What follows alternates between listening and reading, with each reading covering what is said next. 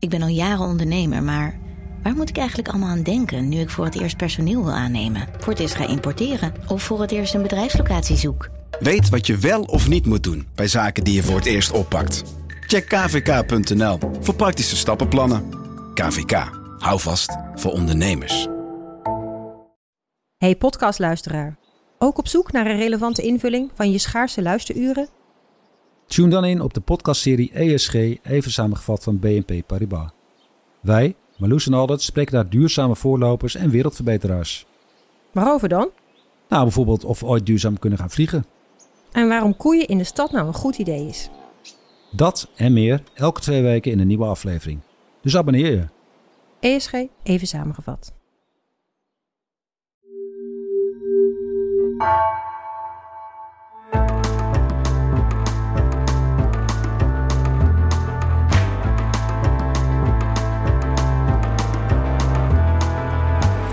Welkom bij het uur. Met bestsellers als De Eeuw van mijn vader, Hoe God verdween uit Jorbert en In Europa werd Geert Mak Nederlands meest geliefde geschiedschrijver.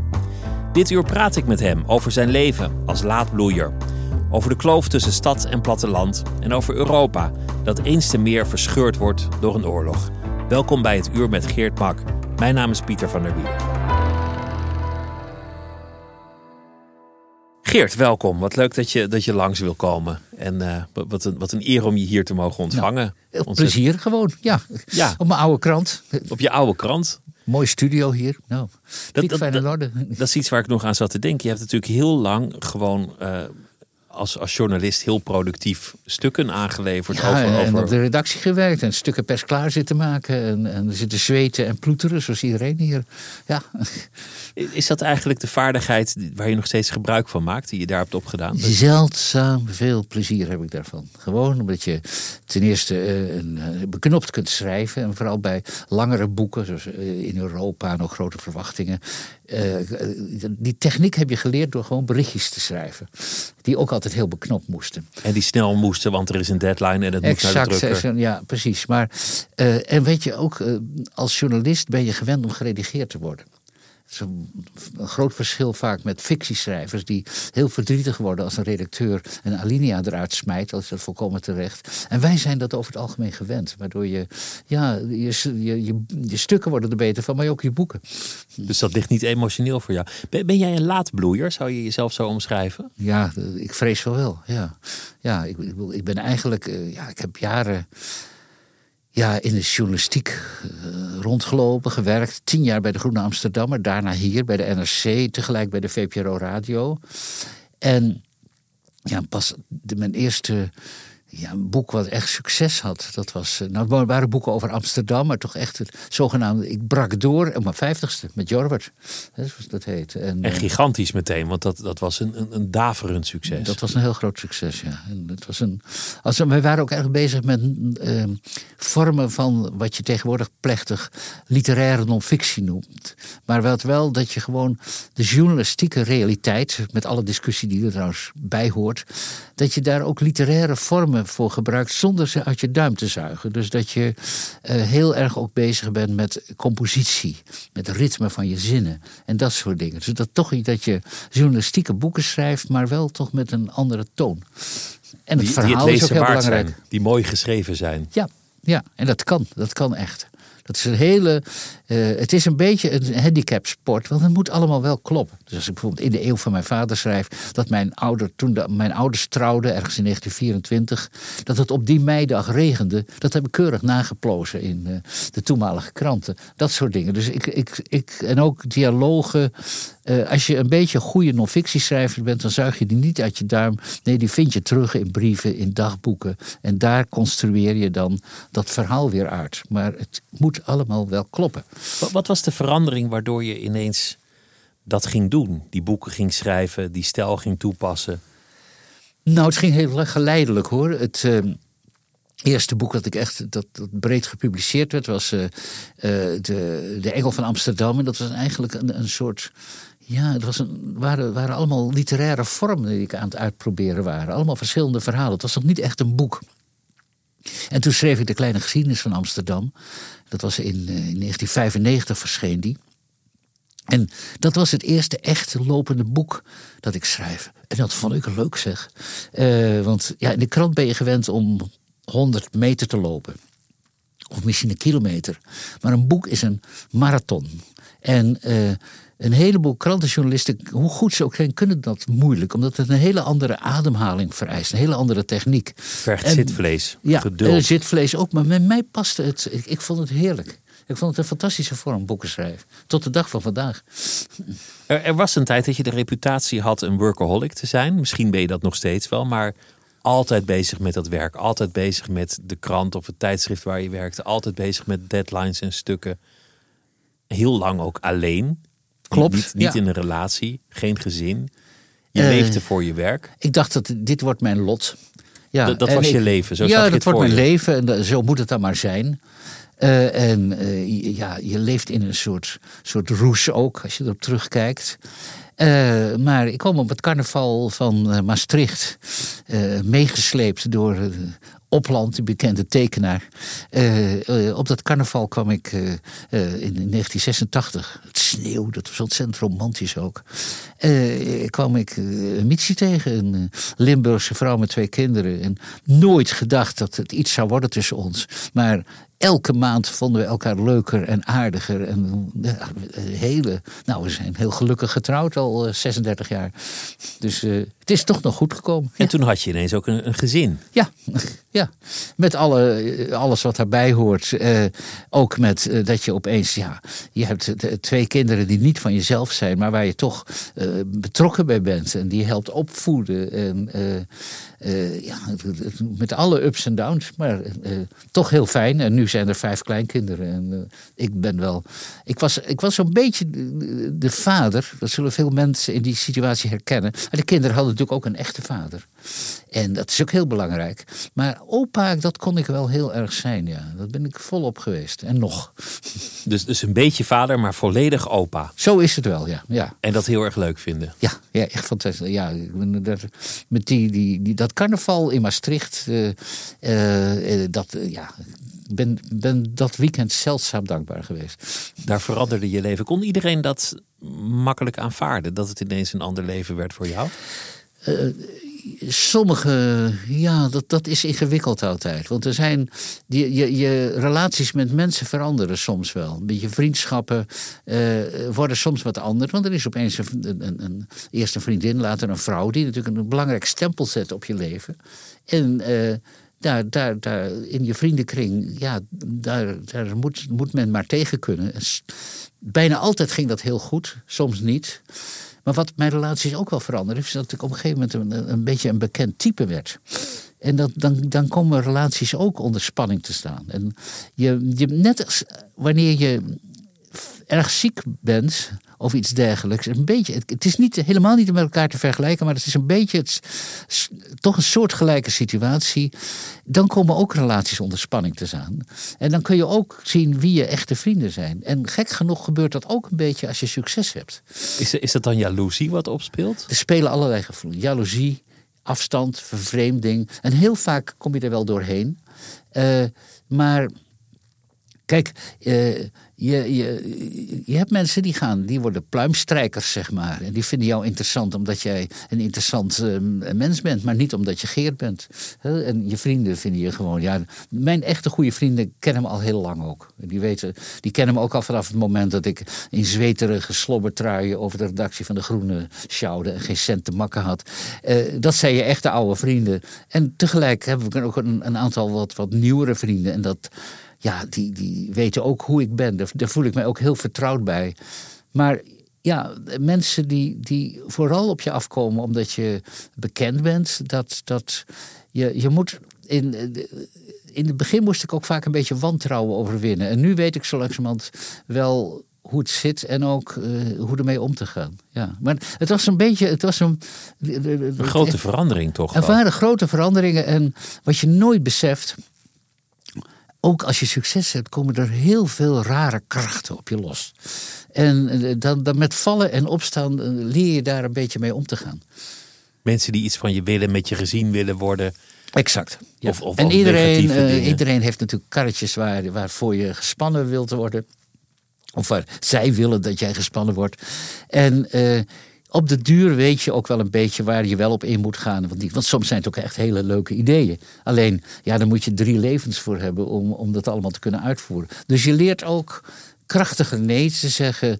En uh, je, je wordt gedwongen ook echt goed bij jezelf te blijven. Want echt, uh, ik, op een bepaald moment had ik echt het gevoel dat alsof er naast me een soort luchtballon werd opgeblazen met vage trekken van mezelf. Drie verdiepingen hoog op zijn minst, zo niet vijf verdiepingen hoog. En dat ik daarnaast een beetje stond te loeren van allemachtig, wat gebeurt hier in vredesnaam? Wat naast heeft het mij, nog met, mij te maken? Want, en wat heeft het nog met mij te maken? Dus, uh, en je moet natuurlijk nooit in die luchtballon zelf gaan geloven. Dan ben je kapot, dan ben je weg.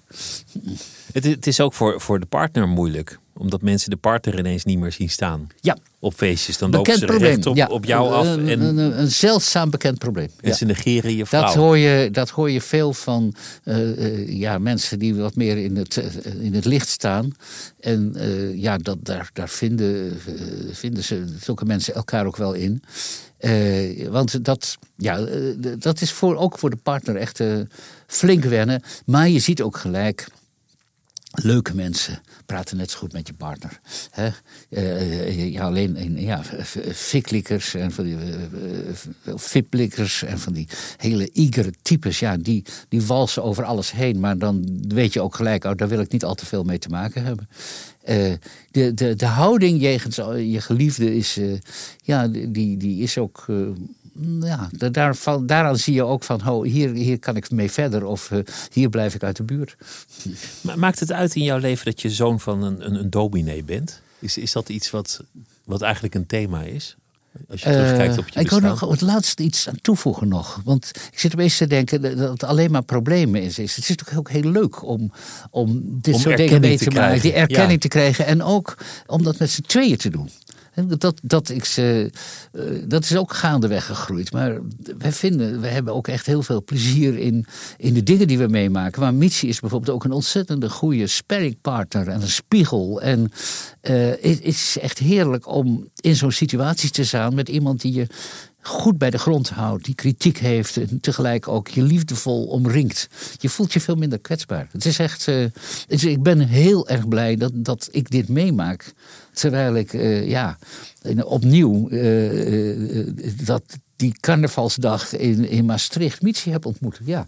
Dus, je, dus je bent gelukkiger nu ik veel gelukkiger. Dan ja. je was toen je dertig was, bijvoorbeeld. Oh, absoluut. 30, toen ik dertig was, was ik uh, diep treurig. In mijn hart. Maar dat liet ik natuurlijk aan niemand merken. Nee. Lange linkse stukken schrijven voor de Groene, de wereld verbeteren. Een, een soort les uh, Ja, de Groene was een, een mooi team. En achteraf gezien zeker hele interessante mensen. En natuurlijk een, een, een, een hele interessante weekblad. Maar eh, alles was zo interessant dat je helemaal omviel ongeveer. dus bijvoorbeeld met Opland. Ja, Opland, uh, wij konden samen verschrikkelijk veel plezier maken. Maar op de redactie van De Groene uh, was men streng, ja. Maar ik heb er wel waanzinnig veel geleerd hoor, dat moet ik ook zeggen. Ik had, ik had ook zonder die ervaring met De Groene had ik niet kunnen zijn wie ik was en ook niet kunnen schrijven wat ik was. Want juist door een overdosis aan meningsvorming, want dat moest je bij de Groenen, je product was voor een groot deel waren dat meningen, het was echt een opiniekrant. Ja, daar werd ik zo allergisch voor dat ik een enorme omslag heb gemaakt toen ik wegging bij de Groenen in 85, eh, door juist dingen op me af te laten komen en de lezer uh, de lezer moet zijn mening maar hebben. Ik niet, niet dat vingertje. Ik kijk, dat vingertje, dat gereformeerde vingertje, dat heb ik wel uh, afgehakt. Ja. Da daar zeg je het zelf, het gereformeerde vingertje. Er, er, is een soort lijn in Nederland, in de Nederlandse geschiedenis, tussen gereformeerde en links. Ja, heel sterk. Ja. Uh, hoewel de Groene was ook voor een deel Joods hoor. Uh, was ook een, een, een dat zat er ook tussen. gereformeerd. Dat, dat ging ook heel goed samen, eerlijk en, gezegd. En bepaalde takken van, van katholiek. Ja. Nijmegen ja. is een bolwerk daarvan. Ja. Dat, dat, dat overlapt ook weer. Dat zijn Ja. ook weer lijnen. Maar religie en politiek geloof, dat, dat, is vaak inwisselbaar. Nee, maar ook omdat je, eh, ik denk bij, de, eh, bij Calvinisme hoort heel erg ook dat je een plicht hebt hè, in de wereld. En dat je de wereld moet verbeteren. En dat je een soort, ja, er zit een soort evangelisatie-idee zit erachter. Nou, dat, dat ging toen ik bij de Groenen kwam, ging dat er natuurlijk bij mij als, eh, in als koek werkelijk, als Gods woord in de ouderling. En ik heb ook echt daar jaren aan meegedaan. Eh, alleen, ja, toen na een jaar of zes, zeven zat ik s'nachts die stukjes allemaal te tikken. Nacht van maandag op dinsdag was dat altijd. En dan eh, ploeterde je je nog naar de krant, s ochtends vroeg. Want ja, e-mail en faxen waren er nog helemaal niet. Dus. En eh, ik dacht wel, zo'n nacht begon ik steeds meer te denken... ik zit verdorie precies hetzelfde te doen als mijn vader. Gewoon ook eh, bezig op zaterdagnacht nog met de zondagspreek. Ver- verdorie, en, dat is- en dat- dat, voor de linkse gemeente. Dus eh, op een gegeven moment was het ook echt eh, mooi geweest. Een, soort overdosis kreeg ik. En eh, ja, toen ben ik een andere weg gegaan. Dat, is- dat is sowieso zo'n hitje geweest van papa, ik lijk steeds meer op jou. Van, Ja. van de man die er ineens achter komt dat hij gewoon zijn vader aan het worden is. Ja, ja dat. dat eh, eh, en op- in die zin wilde ik niet mijn vader worden. En in veel andere opzichten wel. Want mijn vader was een, een gereformeerde dominee, maar ook een hele leuke, ruimdenkende man. Die, die ook al trouwens eh, in 1950 de Groene al las. Nou, wat voor een gereformeerde dominee echt wel heel wat was. Ik bedoel, zo, zo was hij wel. Dus, Dus, dus het was een, een intellectueel milieu waar je ook wel aan kon scherpen. Wat ook wel inspirerend Absoluut, was. ja. Er waren die, die, Niet, niet beklemmend. Nee, totaal niet. Wij waren buitenshuis als kinderen van, domen, van een dominee heel braaf, omdat we onze vader niet de problemen wilden, wilden brengen. Maar binnenshuis was het een eh, behoorlijk anarchistische bende. Ja, dat, eh, dat, dat, alleen ja, mijn broers en zussen waren veel ouder. Dus toen ik een jaar of acht was, viel het een beetje stil. Toen zat ik opeens nog met twee hele oude ouders. En toen moest ik wel een, ja, dus op een bepaalde manier mijn eigen weg gaan. Een eigen weg zoeken ook. Dat, dat je ouders wat ouder waren, dat heeft misschien wel een voordeel dat je meer in contact stond met een besef van het verleden, Zeker. van geschiedenis. Ja, misschien wel. Eh, ik heb het zo nooit bekeken, maar misschien is dat wel zo. Want ik was wel altijd heel nieuwsgierig naar het verleden. Ik weet wel dat ik. eh, dan, wij hadden een, een, oom, eigenlijk een oud-oom was het. eh, broer van mijn grootvader. En die was echt een Troelstra-socialist. En dan, als hij jarig was, gingen we daar altijd heen. Ook in Leeuwarden, waar ik opgroeide. En eh, nou, in de voorkamer zaten de ouderen hevig te discussiëren over de Suez-crisis en over Hongarije en dat soort dingen. En ik zat in een zijkamertje en ik kreeg dan eh, eh, een boek in handen, Justus van Maurik, toen ik jong was, over Amsterdam. En twee dingen fascineerden mij. Amsterdam, ik dacht, daar wil ik heen. En ook, hij was een soort journalist al, die van Maurik, 19e-eeuwse journalist. En ik had altijd iets van, dat wil ik worden. Op een bepaalde manier ben ik dat ook geworden. Een 19e eeuwse journalist. Ja, ja, dat was een sigarenhandelaar eigenlijk, of een sigarenmaker. Sigarenmerk is er nog steeds, Justus van Maurik.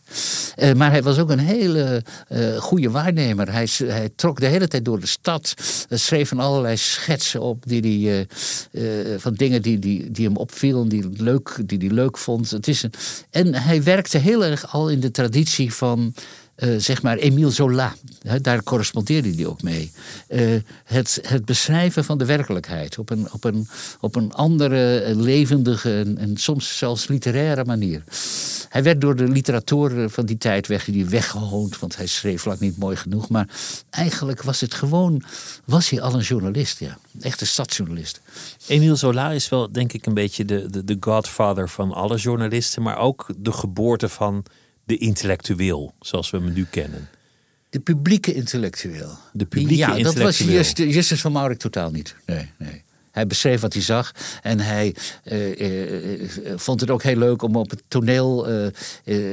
avond aan avond trok hij door het land om zijn schetsjes voor te dragen. Dus je ziet ook dat hij erg schreef op publiekseffecten. Hoor. In die zin, het was geen intellectueel, nee. Maar wel een goede waarnemer, ook heel Een belangrijk. stukje schrijver Ja. was het uiteindelijk.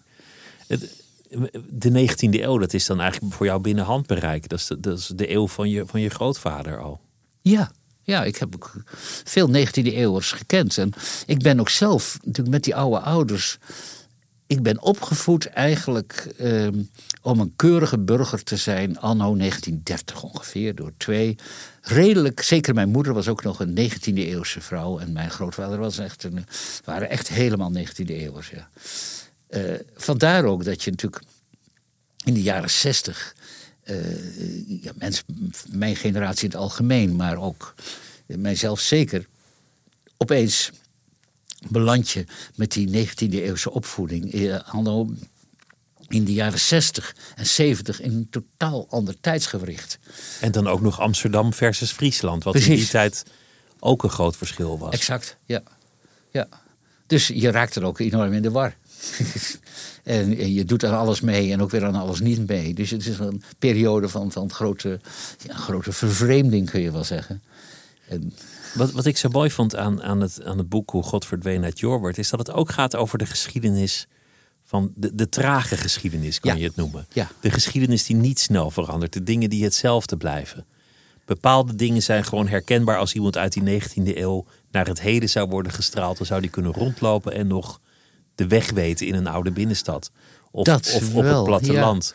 En tegelijk veranderen die dingen ineens ook heel snel. Ja, en de gekke in de stad inderdaad is dat geleidelijker gaan. Hoewel wij altijd denken dat dat uh, niet zo is. En op het platteland heb ik het gevoel dat het veel abrupter is gegaan. Want die, die exercitie die jij beschrijft, die vind ik zelf ook altijd heel, heel leuk. Hoe de tijd veranderd is. Ik heb die toegepast op een uh, boer uit de tijd van Rembrandt. Een, een, schetsje heeft die Rembrandt gemaakt van een boerenbedrijfje. Anno, nou, wat zal het geweest zijn? 1650 ongeveer. En uh, een foto van een boerenbedrijfje vlakbij Jorwert uit 1940. Dat waren exact hetzelfde soort bedrijfjes. Dus die boer uit 1650 die had... Uh, misschien had hij de taal iets moeten uh, leren nog. Een tikje anders. Maar verder had hij zo kunnen meedraaien. Dus alles verandert. Een, een ander land de verlichting, al die oorlogen, alles is langsgekomen en toch is er niets dat, dat veranderd. veranderde niet essentieel. Nee, er waren een paar machines bijgekomen, aardappels werden meer gebruikt, maar niet essentieel. Terwijl die 25 jaar later zou die Alban anno 1975 al behoorlijk wanhopig zijn eh, geworden. En ja, een modern boerenbedrijf ja, dan zou hij ja, onder het bed zijn gekropen van ellende ongeveer. dat, dat, totaal anders, totaal anders. En dat is ook wel een beetje het ingewikkelde met de huidige boerencrisis. Uh, er wordt de hele tijd uh, worden de beelden geschetst en ook verhalen opgehouden van boerenbedrijven. Uh, eigenlijk zoals ze vroeger, waren. Hè? Het familiebedrijf dat van vader op zoon gaat. Exact. En het, het, het, altijd denken aan het nageslacht en daarmee doorgaan. En grote prioriteit daar ook aan hechten. Terwijl het ja, heel vaak gewoon vanuit het klassieke boerengezichtspunt. Waar je altijd bezig bent met continuïteit. Ja, zijn het gewoon uh, ja, uh, zijn het hele problematische bedrijven geworden. Dat druk ik me zacht uit. De boeren die niet meer uh, de zaak, als ze nieuw willen inzaaien, niet, niet meer de zaak omploegen, maar alles doodspuiten. En dan gaan ze nieuw inzagen. Maar daarmee vergiftig je natuurlijk je grond op een enorme manier. En dat grapje kun je best een paar keer uithalen. Maar eh, als je dat tien keer of twintig jaar doet, dan krijg je echt een groot probleem met je grond. Dus het staat. Het moderne boerenbedrijf, daar, dat staat haaks op een heleboel klassieke boerennormen. En dan heb ik het nog niet eens over, over geld. Het klassieke boerenbedrijf wilde nooit schulden maken de boeren die ik sprak toen ik uh, bijvoorbeeld Jorwert schreef, die vertelden heel vaak dat pas de eerste keer dat ze geld leenden, dat was vaak in de jaren 50 om een trekker te kopen. Uh, en generaties lang was er geen geld geleend. Want het boerenbedrijf is veel te kwetsbaar. Je moet altijd juist een zak geld onder je matras hebben. Voor, voor slechte voor tijden. Voor de oogst mislukt. En nu is dat totaal omgedraaid. Bijna alle boerenbedrijven ja, die, die, die moeten werken tot juni, juli, augustus. Eh, om alles af te betalen en te regelen. En daarna kunnen ze nog een keer eh, zelf wat verdienen. Dus het is heel kapitaalsintensief worden. En allemaal geleend kapitaal. Dus boeren, eh, die, iedereen heeft het over stikstof, maar de boeren hebben zichzelf ook klem gedraaid. En eh, verstandige boeren die zien dat heel goed. Die proberen er ook uit te kruipen. Maar het, is, het is, natuurlijk ook wel door de Rabobank en, en anderen opgedrongen dat er zoveel mogelijk vergroot werd en geleend werd. En dat er aan groei werd gedacht. Ze zijn natuurlijk in een soort format terechtgekomen. Een, een andere manier van denken. Wanneer is die grote verandering geweest? Wat is eigenlijk het moment geweest dat we dat platteland verloren zijn? Het verschilt denk ik per, per regio hoor. Het is natuurlijk, uh, ik roep dat wel vaker, denk eraan, de boer bestaat niet. Hè? De bekende kreet van Maxima over de Nederlanders. Dat is natuurlijk bij de boeren ook. Je hebt... Zeeland staat er heel anders voor Zeeland dan nou, dat gelijkt nog wel een beetje op elkaar. Maar bijvoorbeeld dan Brabant of de Peel of, uh, of, of, de Veluwe. Dat zijn, ja, dat zijn enorme pluimveebedrijven en enorme varkensstallen. En terwijl in Friesland bijvoorbeeld het ook niet ideaal is. Maar er wordt nog redelijk cyclisch geboord, zeg maar. Met, zeg maar het klassieke model is ongeveer twee koeien per hectare. Nou, soms zijn het er drie, maar dat... Terwijl ja, het, het, het is eigenlijk niets te vergelijken met wat daar in, in Brabant en op de Veluwe gebeurt.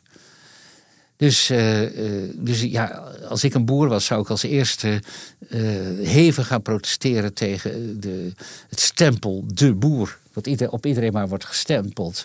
Alleen het is natuurlijk in het belang van de, ik zeggen, de, de grote financiers en de grote afzetbedrijven en de grote voedselaanvoerbedrijven, uh, met, met, met dus de concerns daaromheen, om juist dat beeld van de boeren dat, dat romantische, dat romantische beeld, intact te over, overeind te houden. En uh, de Rabobank speelt in dat hele complex een, een, centrale rol. Ik heb dat echt voor mijn neus zien gebeuren. Boeren die een, stal, een nieuwe stal wilden bouwen en een financiering aanvragen voor 100 stuks vee. Nee, dat moest pertinent 150 worden. En dat was allemaal van de Rabobank. En anders kreeg je geen geld. En een en beetje tegen beter weten in, omdat ze konden weten dat het vast zou gaan lopen. Ja, maar de boeren zaten ook een beetje, want die voelden wel dat we moeten iets doen. En ze werden ook door hun eigen organisaties voortdurend maar opgejuind. Doe het nou maar, het kan wel. Terwijl, en dat vind ik uh, het ernstige, de Rabobank wist, net zoals ooit de tabaksindustrie heel goed wist dat je kanker kreeg, wist de Rabobank heel goed dat er een mestquotum aankwam en dat de grote stikstofproblemen aan de horizon lagen. En ze zijn maar door blijven pushen met die financiering en het doorduwen van dit soort bedrijfsmodellen. Dus de Rabobank eh, eh, heeft een enorme morele verantwoordelijkheid voor wat er gebeurd is. En ik hoop dat, ze dat, ook, uh, dat dat ook gaat gebeuren ook een juridische verantwoordelijkheid voor eh, de, de toestand waarin we nu zitten. En, dat, zou, eh, dat zou misschien kunnen blijken als ze dan niet alles hoeven af te lossen of niet op dezelfde termijn of, of op dat soort manieren. Ja, het denken aan Griekenland. Griekenland in 2008, de grote bankencrisis. Toen ook uh, dat waren toen de Duitse en de Franse banken, eindeloos aan dat rare Griekenland, waarvan iedereen wist dat ze niet goed met hun geld omgingen. Dat ze er veel te veel doorheen joegen. Dat er van alles mis was. Die bleven maar uitlenen aan Griekenland, omdat het een, een voordelige zaak was. En uh, toen het misging, toen hebben ze ook door slim lobbywerk als eerste hebben ze ook hun geld weer teruggekregen. Want al die miljarden die vanuit Europa naar Griekenland gestuurd werden om steun, die gingen ongeveer met een rondje Acropolis rechtstreeks naar uh, Berlijn, Frankfurt en Parijs. De Grieken uh, werden niet uitgekocht, de, banken werden de uitgekocht. Banken werden, en dat zul je nu weer zien gebeuren als je niet uitkijkt. De boeren worden niet uitgekocht, maar uh, de, ja, de, in de eerste plaats de Rabobank. Daar kent, gaat dat geld heen. Jij kent Amsterdam heel goed. Je bent, bent een kenner van, van de stad. En je bent een kenner van Jorwert, Friesland. Ja. Zie jij een kloof? Het gaat de hele tijd in, in de media over, over de kloof tussen het platteland en de stad. De opstand van, van het platteland richting de, de Randstad. De beleidsmakers die alleen maar in de Randstad zitten en het, en het niet meer weten wat er daar gebeurt. Ja, voor een deel zie ik dat wel. Ja. Het is. Uh, um uh, maar ik vind het moeilijk. Kijk, uh, de, de, de boeren, uh, veel boeren, die geloven nog altijd heilig in het. dat ze zelfstandig zijn, dat ze eenzaam op een terp zitten. dat is een romantische idee. Uh, uh, dat ze een eigen bedrijfsmodel hebben. In werkelijkheid zijn ze een bedrijfsmodel. Van en, iemand anders van iemand anders. En in de stad is, is denk ik men wat nuchterder over dit soort dingen. Eh, en eh, ja, dat, dat zien de mensen in de stad soms beter dan, de, dan de betrokkenen zelf. En aan de andere kant zie ik ook uh, ja, dat, zeg maar wat, dat, dat ja, ik, ik, ja ik, aarzel of het eigenlijk wel stad en platteland is hoor. Maar ik zie bijvoorbeeld dat beroemde stikstofkaartje. Dat zitten mensen in de stad, lezen zien dat knikkend zitten dat te bekijken in de krant. Hè. Ja, als je op het platteland woont, weet je, dat, weet je dat alle boeren, zelfs de meest slimme en leuke en redelijke boeren, en die zijn er heel veel, door het dak gaan bij zo'n stikstofkaartje. Want opeens ligt alles plat. Kunnen ze geen dak meer op een nieuw lood zetten. Alle kredietverlening ligt plat. Uh, uh, ze kunnen echt niks meer. Ja, en natuurlijk gaan ze dan. Een, een wielrenwedstrijdje wordt afgezegd. Een, een, uh, ik, ik had nu aan de hand een, een klassieke muziekfestival in, in Friesland waar ik iets zou doen. Daar willen ze weten met welk merk auto iedereen komt. Ja.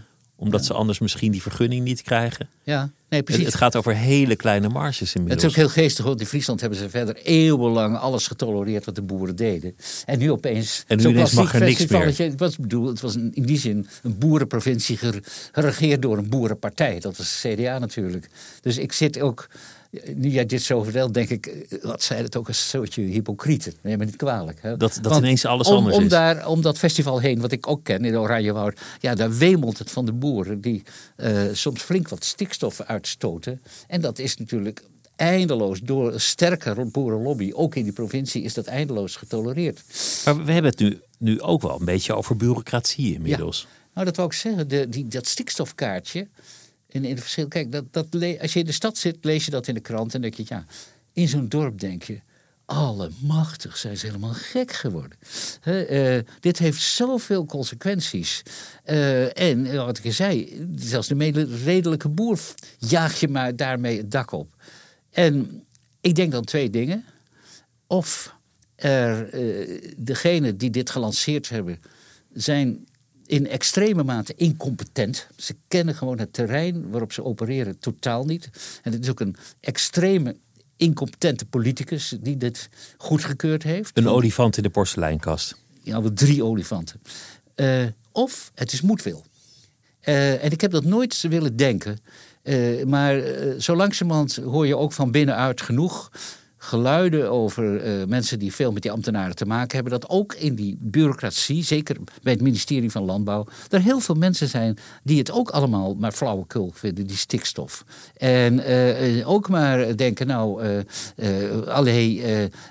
hier moet even protest komen. En die met opzet deze, ja, deze fakkel in een vuurwerkfabriek gegooid hebben, zodat het proces uh, ontstond. Dat, het is, dat bijna een complottheorie. Ik doe nooit aan dit soort dingen, alleen het is zo stom, zo verschrikkelijk stom, dat ik begin te denken aan opzet.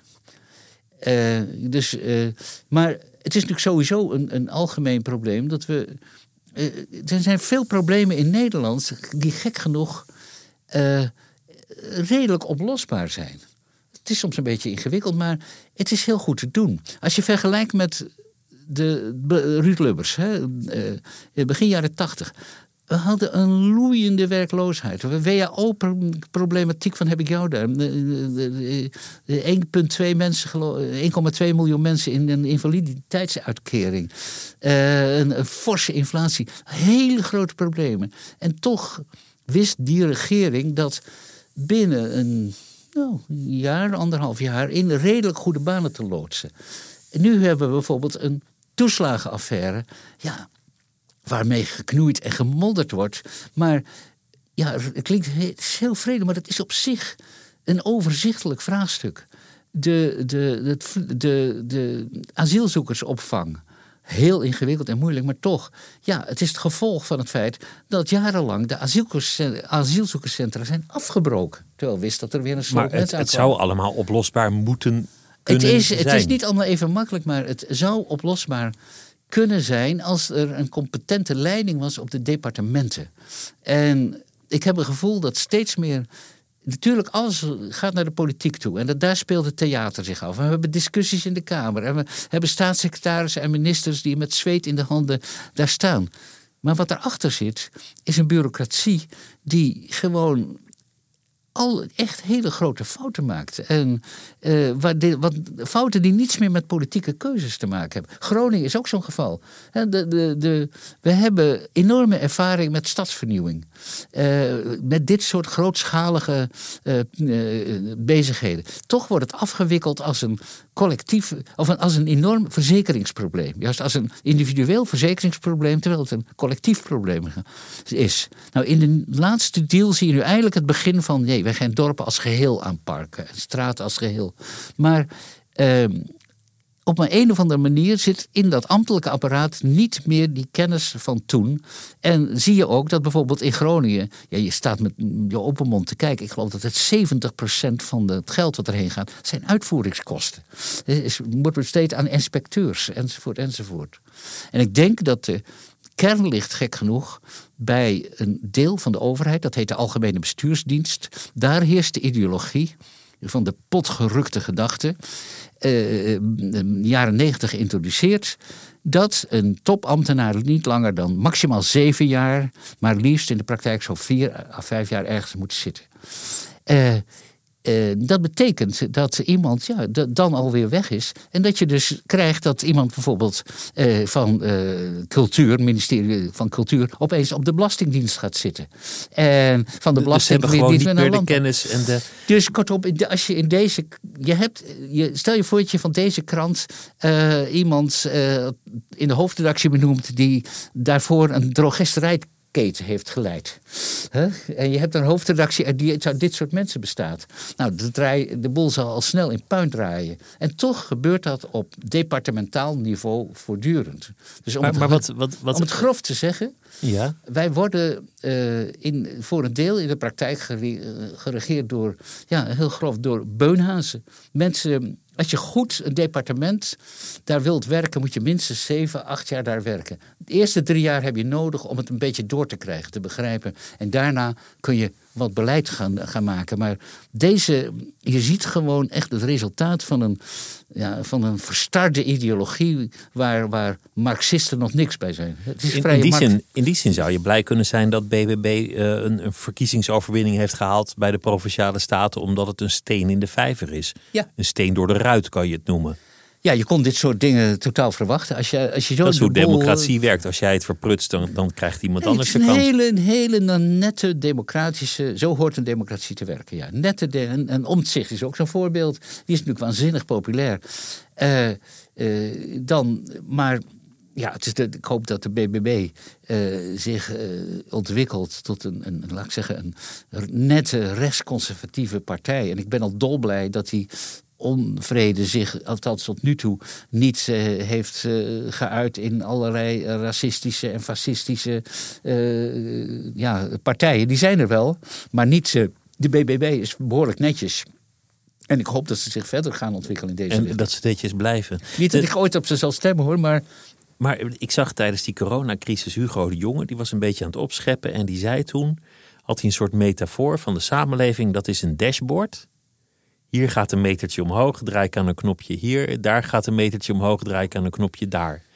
En die metertjes, dat waren de modellen waar die heilig in geloofde. Ja. En de man die aan de knoppen draaide als een soort god, ja. dat waren hij en zijn ambtenaren.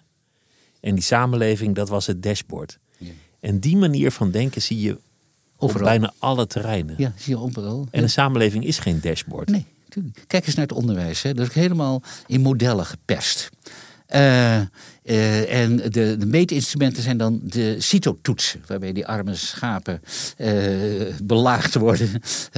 ik, ik, dat, deels op het platteland leven, wat wij de, jaren, de laatste jaren doen, is heel leerzaam wat dat betreft.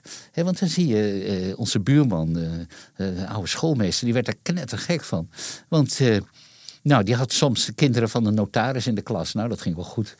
Die hadden netjes zijn cijfertjes. Maar hij had ook uh, uh, kinderen, ja, boerenkinderen of uh, kinderen uit een aannemersbedrijf. Die gek genoeg met hun handen waanzinnig intelligent waren. Die hadden alles in zich om hele goede vakmensen te worden. Maar die CITO-toetsen, die smeten ze gewoon uit een hoek. Dus dan zat opeens zijn klas, die stond helemaal onderaan. Dat werd een probleemklas. En terwijl zijn kinderen, al die jeugd, is hartstikke goed terechtgekomen. Maar het zijn dan, alles is geperst in modellen. En die modellen zijn zo grof uh, dat, je, dat er ook hele, een scheef beeld van de werkelijkheid ontstaat. En ik denk dat dat denken in dashboards en modellen ontzettend veel te maken heeft met het feit dat mensen als Hugo de Jonge en al die andere managementachtige typen de inhoud van het werk totaal niet meer kennen. Als je de inhoud dus, kent. Dus dan zoek je de veiligheid in een model. Model. Als jij de inhoud kent, dan vertrouw je, vertrouw je de mensen. En dan vertrouw je ook bijvoorbeeld de onderwijsinspectie. De ouderwetse inspectie, die liep door de school heen, praten met deze en gene. Ik, ik praatte wel eens met zo'n inspecteur. Die zei: Nou, meestal hadden we binnen een half uur al in de gaten of het goed ging op de school of niet. Los van alle cijfertjes en modellen. Ja, dat is ervaring en dat is vertrouwen en dat is kennis. Ook kennis van het veld en de organisatie. Maar als jij uh, drie jaar op de top van het ministerie zit en alweer uitkijkt naar een volgend baantje, uh, dan leer je de, nooit, weet je nooit wat er achter die knoppen zit en wat de effecten precies zijn van wat er gebeurt. Want als het effect duidelijk wordt, ben je al lang weer weg. En dat is echt een, een, een ja, een verderfelijke managementmentaliteit die overal is doorgedrongen en die, ja, waar we echt van af moeten misschien nog wel belangrijker dan, dan een politieke herziening. De bureaucratie zelf, daar moet echt in opnieuw en goed over nagedacht worden. Stoppen met dat management denken. Je, je, had een aantal historische uh, analogieën aan. Dat is altijd leuk aan de geschiedenis. Het moeilijke aan de geschiedenis. Ik, ik heb laatst je, je, je prachtige reeks in Europa opnieuw gekeken. Die had ik van de VPRO allemaal gekregen op DVD. En ineens zat ik heb ik er weer in. Je, je kijkt namelijk nooit naar je eigen dingen terug. Hè. Uh, dus het is een bijzonder project geweest. Ja, Vijftien jaar geleden uh, zat ik natuurlijk die afleveringen wel te bekijken op de televisie. Als ze werden uitgezonden. En dan zit je al te denken, oh die overgang, oh dat is toch niet zo goed gegaan. Oh jee, hier verspreek ik me. Hè. En uh, mijn vrouw en ik hebben een paar maanden geleden het weer zitten bekijken. Ik denk, verrek, ze zijn hartstikke goed.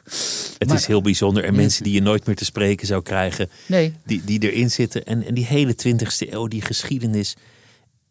En het moeilijke is, alles is nu anders. Als je die serie nu zou maken, we zijn pas, nou ja, 15 jaar verder ten opzichte van de serie. Uh, nog geen 25 jaar ten opzichte van het boek, ja. of ongeveer 25 jaar. Alles is anders. En ik had tegelijk het gevoel toen ik zat: dit is hartstikke actu actueel. En, en, alles, en alles speelt nog steeds op. Ja, en ja. al die. Maar vooral het boek was optimistisch van toon. Het millennium was voorbij, Ja. een nieuwe eeuw stond te gebeuren. Ja. En al die oorlogen, dat, dat was waar we vandaan kwamen, niet waar we naartoe gingen. Ja, nee, dat was het echt wel. Dat was de stemming rond de eeuwwisseling. Heel sterk. Dit is verleden tijd. En, eh, eh, en ik heb dus een, een tweede een vervolger opgeschreven. Ja, dat, daar is de toon al aanmerkelijk somberder. En, Eh, en, en, en ook wel bozer. Er zit verontwaardiging in dat vervolg. Over wat er gebeurd is met, met de bankencrisis, met ja, de politieke leiding. met de politieke leiding, met natuurlijk de vluchtelingencrisis, waardoor Europa toch wel een, deel van zijn morele waarde, waarde verloor. Eh, eh, ja, en, en, en ook boosheid over de, de onmogelijkheden waarop je stuit. En ook op het, op, natuurlijk op het starre ik en het starre nationalisme. Wat overal aanwezig is. En ook de zelfvoldaanheid hoor. En die, dat varieert van, van, van Budapest tot, uh, Den Haag en Amsterdam. Ik bedoel, alle, alle landen hebben daar op hun eigen manier uh, uh, mee te maken. Um, ja. Ik, ik, ik, heb, ik weet nog goed, ik, ik eindigde het boek en ik had geen. Ik dacht, waar gaat dit heen? Waar gaat dit heen? En toen brak de coronapandemie uit. Dus toen heb ik nog een hoofdstuk eraan vastgeplakt over die pandemie. Uh, uh, maar opnieuw. Uh, kijk, ik heb nu de inval in, in Oekraïne. Had ik heel sterk het gevoel bij van. Er, er, er is iets aan het rollen wat bijna niet meer te stuiten is. Uh, ook omdat, en dat hoorde ook met mijn somberheid uh, uh, over de afgelopen twintig jaar, allerlei verdragen zijn opgezegd. De, dat geldt met name voor de verdragen over het gebruik van, van korte en lange afstandswapens.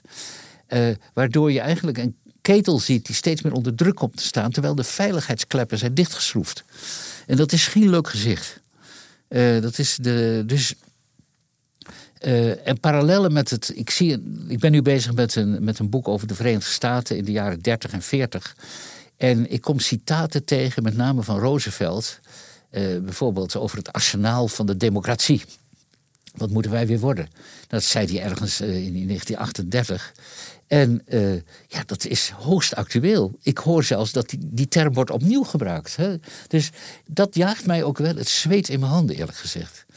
Het Maar zou mis alleen- kunnen gaan, maar het, het, het is zeg maar aan de ene kant, jij zegt 1938, het verdrag van München, dit mag nooit meer gebeuren. Ja. Dat je toegeeft aan een dictator, dat je Ja. zegt, hè, wat Chamberlain gedaan heeft, ach pak Ja. maar, dan is die daarna wel koest. Die vergelijking kwam op, want we moeten niet toegeven aan Poetin, want dan pakt hij straks Polen ook.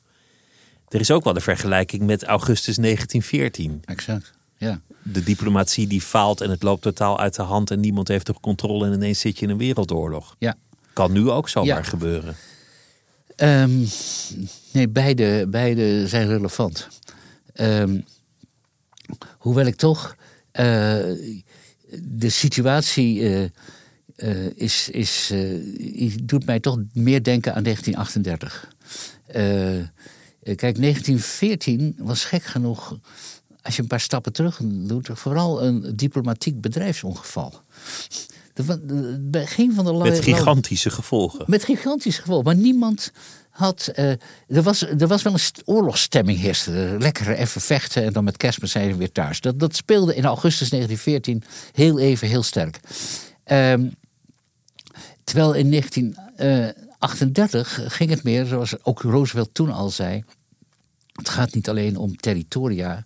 Het gaat ook om eh, de kern eigenlijk van ja, van je cultuur. Eh, de, de, de, de kern van je democratie. Om, en, eh, om, om vrijheid, om, om rechtsstaat. Het hele fundamentele grondwaarden. En dat zag Roosevelt, hoewel hij als Amerikaan heel makkelijk buiten de oorlog had kunnen blijven. Hij zag dat heel scherp. Eh, en hij dacht ook, als Europa door deze krachten volledig wordt overweldigd, dan is Amerika er als volgende aan de beurt. Want eerlijk gezegd, heel veel. eh, er was een enorme sympathie voor Mussolini bijvoorbeeld, hoor, in de begin jaren 30 in Amerika. Dus nee, ik vind toch de, de, de 38-vergelijking meer passend. En ook eh, omdat inderdaad, de, zeker de Baltische Staten, ja, de- die, die zullen de volgende prooi worden. En het hele besef, als, als Europa deze oorlog en het Westen deze oorlog verliest, dan eh, denken allerlei anderen ook: hé, hey, zo kunnen we ook doorgaan. Het is ook eh, het, het, het, laat ik zeggen, het hele Europese eh, internationale orde en ook eh, het Europese vredesmodel, waar Europa altijd voorop heeft gelopen met de soft power en van alles en nog wat, wat een heel goed model was, dat wordt ook zwaar bedreigd. En voor een deel zullen we dat model ook moeten herzien, omdat we nu Maar- echt maar- moeten vechten. Hier zit wel optimisme in. Want, want als je het zo ziet, dan neem ik aan dat je blij bent met de, weer, nou, de veerkracht van Europa. Dat ineens toch eensgezinder blijkt Ja. dan gedacht. Daar ben ik eh, heel blij mee, maar ik weet niet hoe lang dit gaat duren. Natuurlijk. Dit kan best nog eens een heel lang conflict worden. En eh, je, je, je zit ook komen op een gegeven moment in een fase terecht, misschien aan het eind van de zomer, als het Oekraïnse offensief en het Russische tegenoffensief voorbij is en men, we even een momentopname hebben van wat kan er ongeveer. Ehm, dan zou het kunnen zijn dat er toch op een bepaalde manier onderhandeld gaat worden. En eh, dan moet je weer toch dat hele heldenmodel. eh, niks toegeven, alle concessie is verraad, et cetera. Zul je toch eh, deels moeten loslaten, eh, omdat je anders nooit tot een deal kunt komen. Maar we hebben Poetin afgeschilderd als het ultieme kwaad. Ja, De vergelijking met Hitler is permanent gevallen. En tegelijk in, in, in Rusland is er een, een, een model van de Oekraïner gecreëerd. Dat zijn de fascisten. Dat is Satan. ja.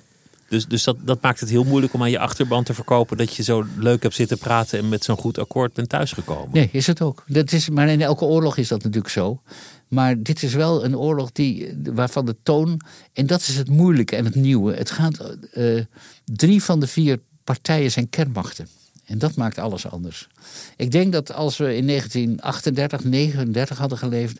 dan was er waarschijnlijk een conventionele oorlog begonnen tussen de NAVO en Rusland. En waarschijnlijk had het Westen daar met moeite hoor, dat is zo makkelijk was het niet, had, had die oorlog wel gewonnen. Maar uh, kernwapens maken alles anders. En eerlijk waar, uh, ik heb geen idee. Ik heb geen idee hoe dit gaat uitpakken. Poetin gaat verder in dreigen met kernwapens dan welke van zijn voorgangers ook. Verder dan Khrushchev. Ja.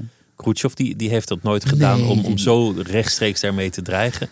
Het beklemmende, is ook, het beklemmende is ook, kijk, Khrushchev en ook de meeste andere, Stalin niet, maar de andere Russische leiders, uh, Sovjetleiders, zeg ik, moet ik beter zeggen, uh, die hadden te maken met een, um, met een politbureau. En dat werkte toch een beetje als checks and balances. Dat politbureau had wel wat te zeggen. He, er was natuurlijk altijd wel iemand die zei: ja, uh, die, die, die, die, tegen. Uh, die, die opeens zei: nou, we moeten toch maar voortgaan. Khrushchev had een enorme invloed, maar het politbureau kon dwars liggen. En uh, vlak voordat de, deze oorlog losbarstte, zag je dat Poetin zijn buur, politbureau, zijn adviseurs, zeg maar, compleet vernederde en de mantel uitveegde. En in een televisieshow. Op camera. Op camera en je alles. zag ze trillen van uh, angst. En eigenlijk was de boodschap: iets als een politbureau bestaat niet meer. Dus die gedeeltelijke controle is weggevallen. En het andere is, iedereen zegt Poetin is een, wil een nieuwe tsaar zijn. Het probleem is juist dat hij geen tsaar is. Want een tsaar, hoe gek en arrogant hij misschien ook was, had altijd een dynastie hoog te houden. Een tsaar moest altijd denken aan de toekomst. hij moest verder. Poetin heeft geen dynastie. Het kan hem geen bal schelen wat na, na hem gebeurt. En dat, ook dat maakt het heel uh, instabiel en, en, en riskant. Want hij is in een soort gevecht met de geschiedenis. Ja. De uitkomst van de geschiedenis bevalt hem niet. Nee. Die wordt bevochten. Ja. Eindigt hij in een bunker met, met, een, met een geweerkolf in zijn mond? Om, om maar een leuke historische vergelijking aan te halen. Ik, kan, ik kan er geen. Ik, ik, ik, ik heb echt geen niemand idee. die het weet. Nee, niemand die het weet. Het is gewoon het. het uh, ik bedoel, als je met, met de, de echte Rusland-experts praat, wat ik, wat ik totaal niet ben, dan heffen ze meestal de handen ten hemel. we weten het niet. We weten het echt niet. Alleen. Uh, het, is wel, uh, het is wel heel gevaarlijk. Henk Hofland, hè, de, de grote journalist hier van de NRC. Uh, die zei toen in rond 9-11 schreef hij dat hij naar New York vloog en dat hij uh, iedere burger en zeker elke journalist heeft wel een klein apparaatje ergens in zijn lijf zitten.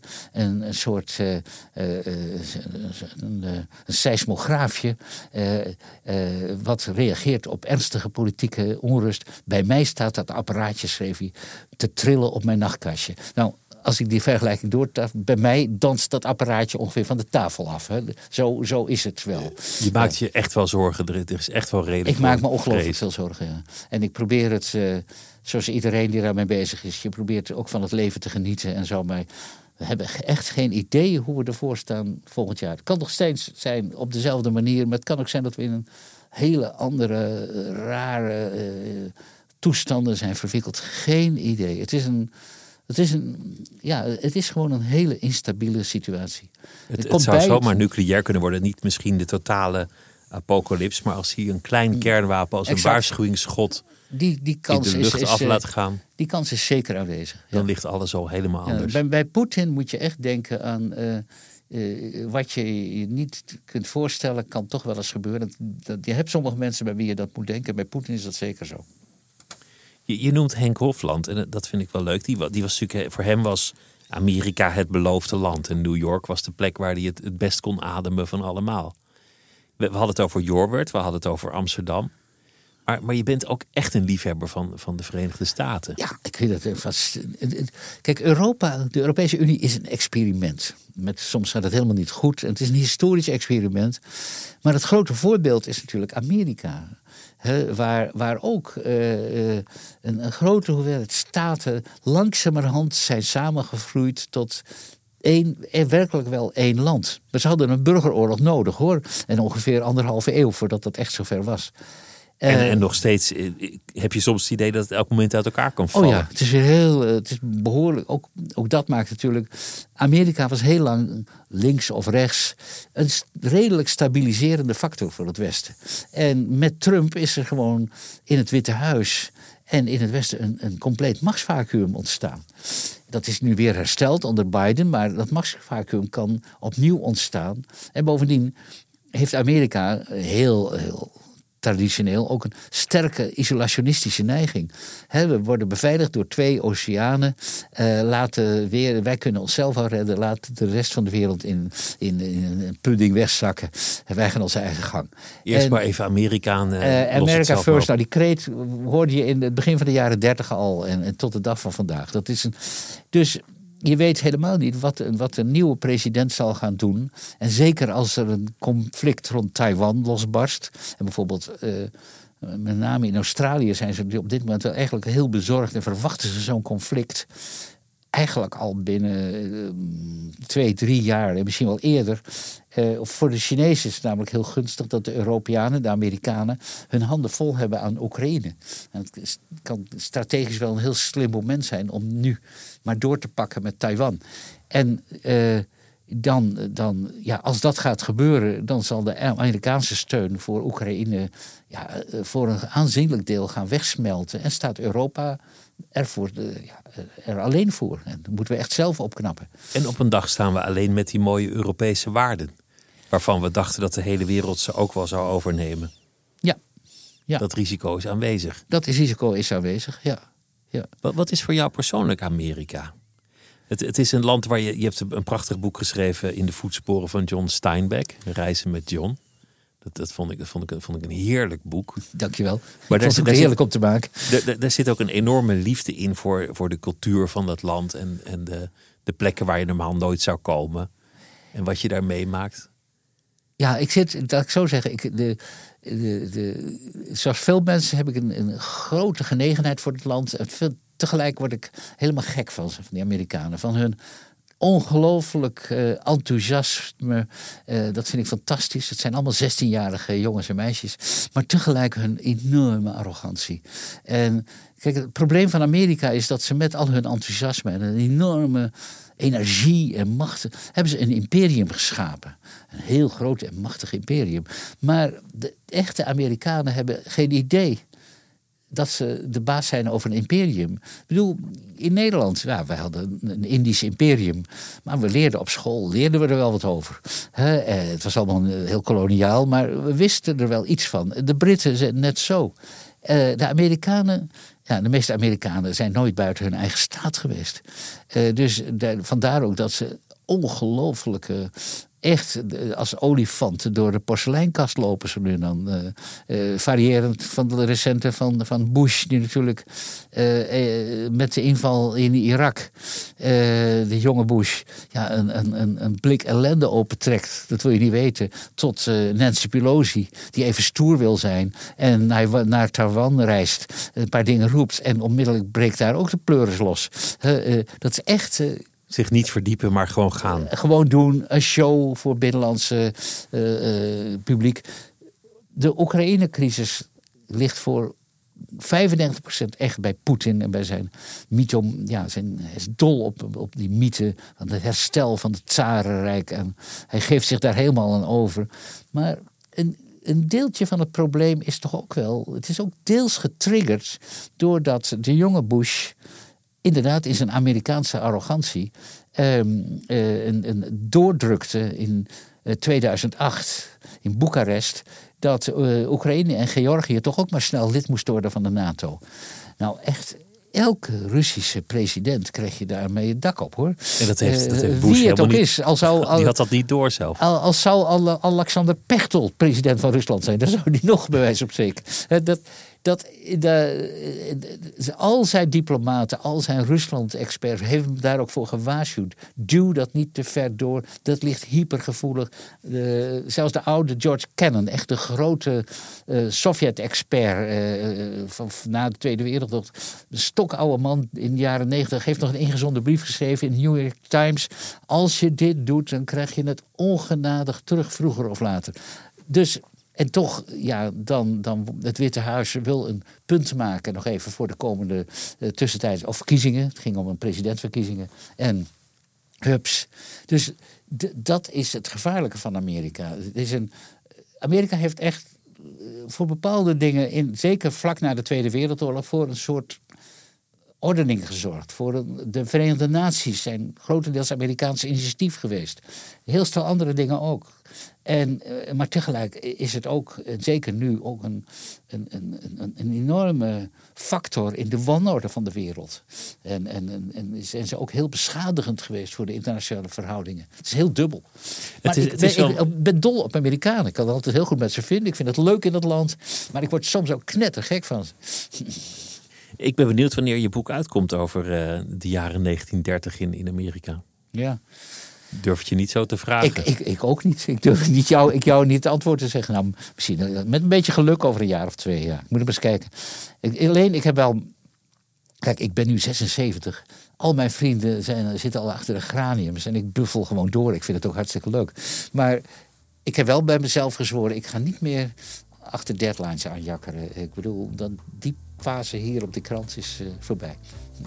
Dus je neemt de tijd. Ik verheug me op het boek. Het is, uh, het is goed om te zien dat je nog zo actief bent. En dank je wel dat je, dat je de gast wilde zijn. Wat was een enorm genoegen was het. Nou, idem dito. Met veel, zeldzaam veel plezier. Ja. Dank je wel. Dat was het uur voor uh, deze week. Volgende week dan zijn we er weer. Het uur wordt gemaakt door Mira C. Handelaar Producties Janne Geerken. En de chef van de audioredactie is Anne Moraal. Tot volgende week.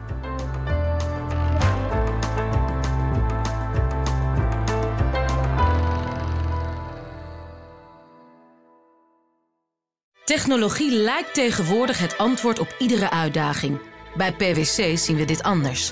Als we de potentie van technologie willen benutten, kunnen we niet zonder een menselijk perspectief. Human-led, tech-powered noemen we dat. Ga naar pwc.nl.